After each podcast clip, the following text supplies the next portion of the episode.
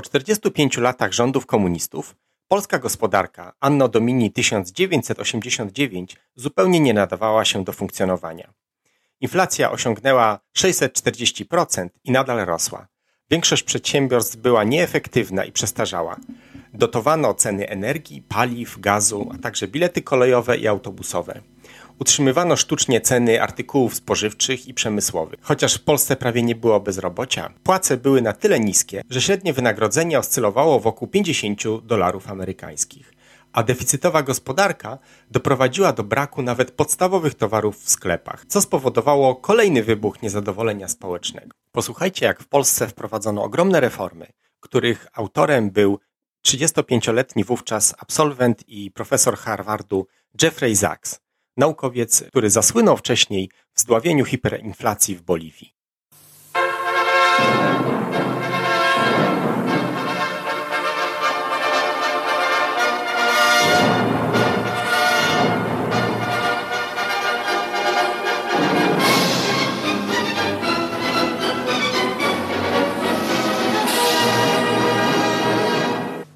Rozumiecie, Zarabianie 50 dolarów nie jest problemem, o ile możecie kupić chleb za 20 cent. Niestety, reglamentowana gospodarka polegająca na ustawianiu planów na produkcję i cen zbytów nie zadziałała wystarczająco dobrze, żeby ten chleb i inne podstawowe rzeczy pojawiły się w sklepach. W związku z tym wybuchło niezadowolenie społeczne. Aby zapewnić podstawowe produkty spożywcze na półkach sklepowych, komunistyczny rząd Wilczka zgodził się na uwolnienie ich cen co spowodowało wybuch hiperinflacji. Wyobraźcie sobie, że tylko w sierpniu 1989 roku inflacja wyniosła 40% w jednym miesiącu.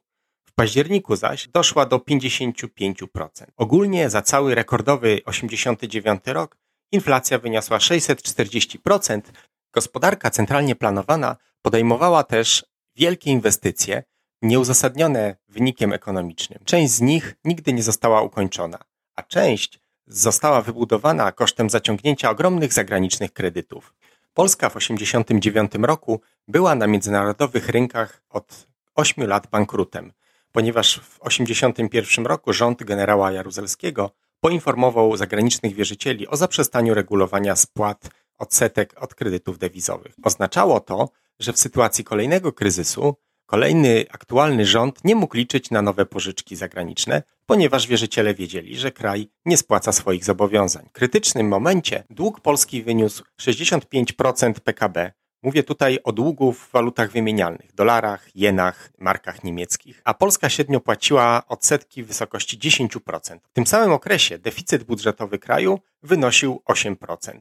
Charakterystyczne jest, że wobec 600% inflacji Stopa procentowa oficjalna Narodowego Banku Polskiego wynosiła w tamtym okresie zaledwie 26%, także 20 razy mniej niż wynosiła utrata wartości pieniądza. Nieoficjalne rozmowy w Magdalence, a następnie okrągły stół umożliwiły pokojowe przekazanie władzy nowo wybranemu rządowi. W wyniku porozumień okrągłego stołu ustalono, że rząd utworzy Tadeusz Mazowiecki, a fotel prezydencki zostanie przydzielony byłemu i aktualnemu wówczas komuniście Wojciechowi Jaruzelskiemu, byłemu liderowi Polskiej Zjednoczonej Partii Robotniczej. W tamtym czasie niejaki Jeffrey Sachs był już ekonomicznym doradcą Solidarności. Jeffrey David Sachs urodził się 5 listopada 1954 roku w Detroit w USA. Był to amerykański ekonomista żydowskiego pochodzenia. W 1978 roku Sachs został magistrem Uniwersytetu Harvarda, 1980, mając zaledwie 25 lat, uzyskał stopień doktora na Uniwersytecie Harvarda. Zrobił błyskawiczną karierę akademicką i już w 1983 roku został profesorem na tym samym Uniwersytecie Harvarda, gdzie przez 20 lat był wykładowcą. W 1985 roku przyczynił się do zahamowania hiperinflacji w Boliwii poprzez regulację cen benzyny. Te wydarzenia przyniosły mu światowy rozgłos, Dlatego innymi został poproszony o udzielenie pomocy doraźnej Polsce przez ambasadę RP w Waszyngtonie. W 1989 roku Zaks jako 35-latek był ekonomicznym doradcą Solidarności i przygotował wstępny projekt programu transformacji polskiej gospodarki, zwanego później planem Balcerowicza. Plan ten miał na celu błyskawiczne odcięcie się od centralnie sterowanej gospodarki. Gwałtowne zmiany między innymi spowodowały zamknięcie wielu miejsc pracy – które inaczej nie miały szans na konkurencyjność w nowym systemie. Stanowił on plan transformacji polskiej gospodarki w gospodarkę rynkową poprzez jej szybką i radykalną liberalizację. Kluczem do stabilizacji miało być zlikwidowanie deficytu budżetowego, kontrola kredytu i stabilizacja cen. Deficyt budżetowy miał zostać zredukowany przez eliminację bezsensownych gospodarczo inwestycji, zmniejszenie obciążania płatnościami długu zagranicznego oraz likwidację dotacji do energii i paliw.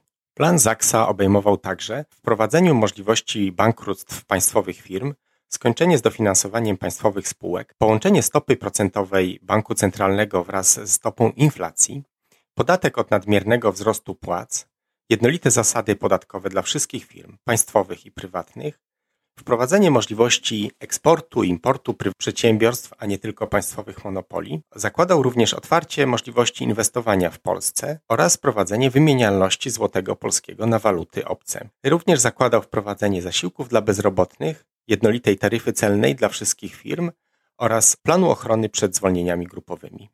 Program Jeffreya Zachsa i Davida Liptona został przedstawiony Senackiej Komisji Gospodarczej Senatu Stanów Zjednoczonych latem 1989 roku w celu uzyskania pomocy USA dla transformacji polskiej gospodarki, gdy było już jasne, że komuniści utracą realną władzę. Taką akceptację plan uzyskał. W tym momencie na naszą scenę wkracza Leszek Balcerowicz.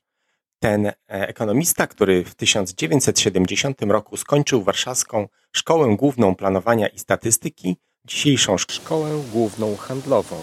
W 1974 roku uzyskał dyplom MBA na Uniwersytecie w Nowym Jorku, został wybrany jak główny wykonawca planu Jeffreya Sachsa i mianowany wicepremierem oraz ministrem finansów. Zawarte w nowych aktach prawnych podstawowe cele polityki gospodarczej po 90 roku sprowadzały się do ograniczenia deficytu budżetowego oraz zahamowania tempa przyrostu podaży pieniądza, czyli drukowania pieniędzy.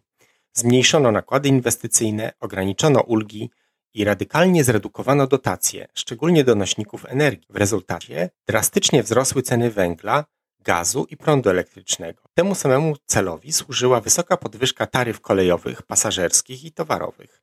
Zmiany te miały charakter korekcyjny, zbliżając poziom regulowanych cen do poziomu rynkowego. W celu zatrzymania pieniędzy w bankach i zachęcenia do oszczędzania w walucie krajowej Podniesiono oprocentowanie lokat bankowych w złotówkach, urealniając ich stopę. Wprowadzono też wewnętrzną, częściową wymienialność złotego oraz ustalono sztywny kurs złotego na poziomie 9500 zł za jednego dolara.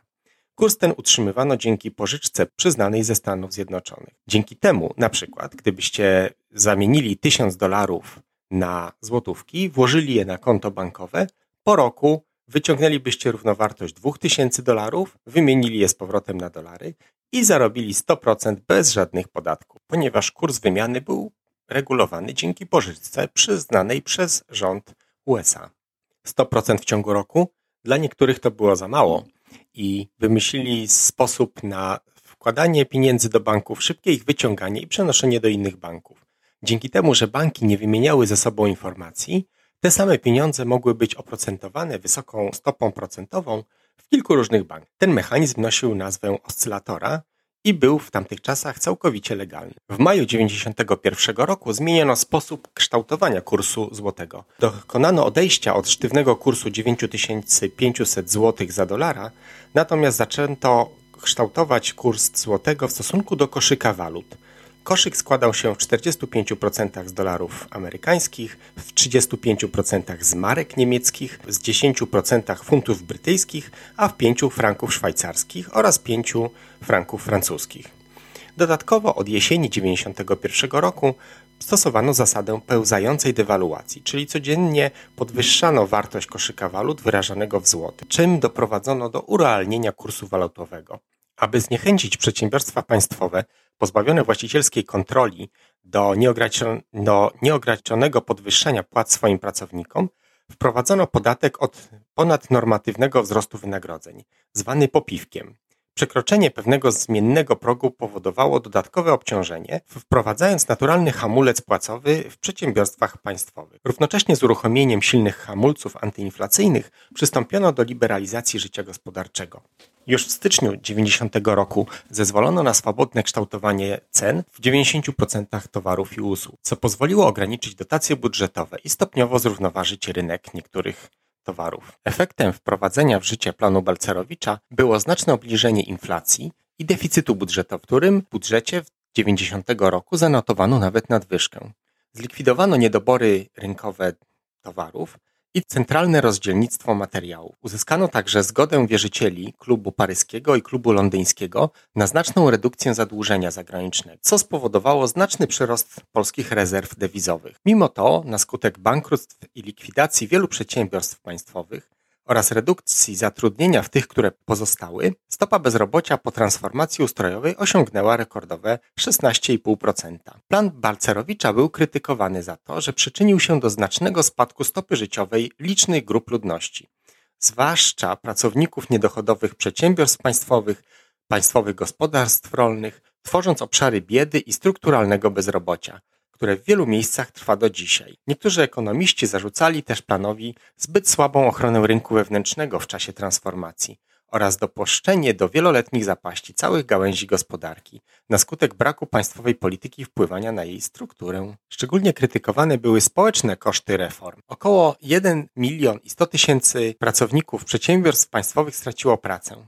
Inflacja wciąż była wysoka, ale mimo to polska gospodarka zaczęła rozwijać się bardzo szybko, najszybciej z krajów komunistycznych. I do 1992 roku powstało już 600 tysięcy nowych firm, zatrudniających około 1,5 miliona Polaków. Większość ekonomistów zgadza się, że bez tej terapii szokowej, która zrezygnowała z krótkoterminowych korzyści dla długoterminowego wzrostu, Polska byłaby dziś znacznie biedniejszym krajem. Wzrost gospodarczy w latach 1989-2000 był w Polsce najwyższy ze wszystkich byłych gospodarek komunistycznych, a od, licząc od 1989 roku, gospodarka Polski rosła nieprzerwanie przez 28 kolejnych lat, co jest światowym rekordem. Ten rekord należy do Polski i egzekwo do Australii. 28 lat bez przerwy wzrostu gospodarczego.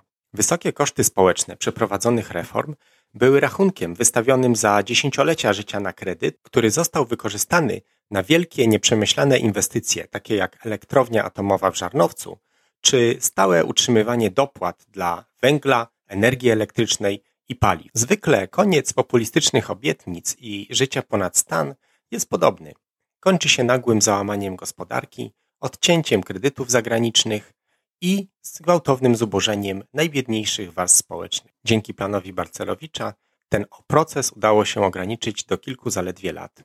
W ten oto sposób pokazaliśmy, jak plan sporządzony przez młodego profesora Harvardu został wprowadzony w życie przez doświadczonego polskiego ekonomistę Leszka Balcerowicza i nazywa się dzisiaj i zapamiętany zostanie przez następne pokolenia jako plan Balcerowicza.